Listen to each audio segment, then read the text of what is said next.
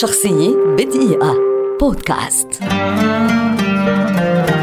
جون رونالد رويال تولكين المعروف بجي آر آر تولكين كاتب شاعر فقهي لغوي وأكاديمي إنجليزي ولد عام 1892 اشتهر باعتباره مؤلفا لأبرز الأعمال الكلاسيكية الفانتازية العالية ويعد واحدا من أهم الكتاب في التاريخ. كان تولكين عضوا في كلية بيمبروك في أكسفورد وبروفيسورا في الأدب واللغة الإنجليزية في ميرتون وعضوا في كلية ميرتون في أكسفورد وقد عين قائدا برتبة الإمبراطورية البريطانية من قبل الملكة إليزابيث الثانية في عام 1972 بعد وفاته عام 1973 نشر ابنه كريستوفر سلسلة من الأعمال المعتمدة على ملاحظات أبيه المستفيضة ومخطوطاته التي لم تنشر من قبل بما في ذلك Silmarillion شكلت هذه الأعمال مع The Hobbit و Lord of the Rings مجموعة متصلة من القصص والقصائد والتاريخ الخيالي واللغة الجمالية والمقالات الأدبية التي يسكن داخلها عالم خيالي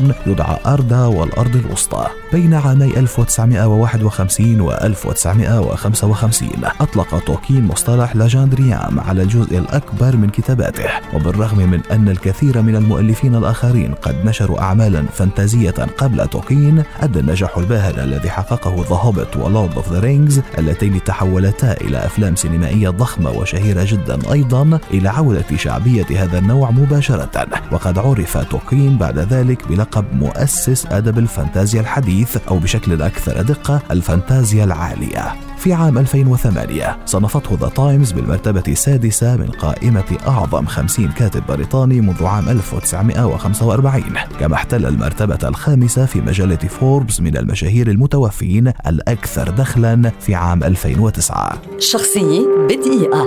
بودكاست.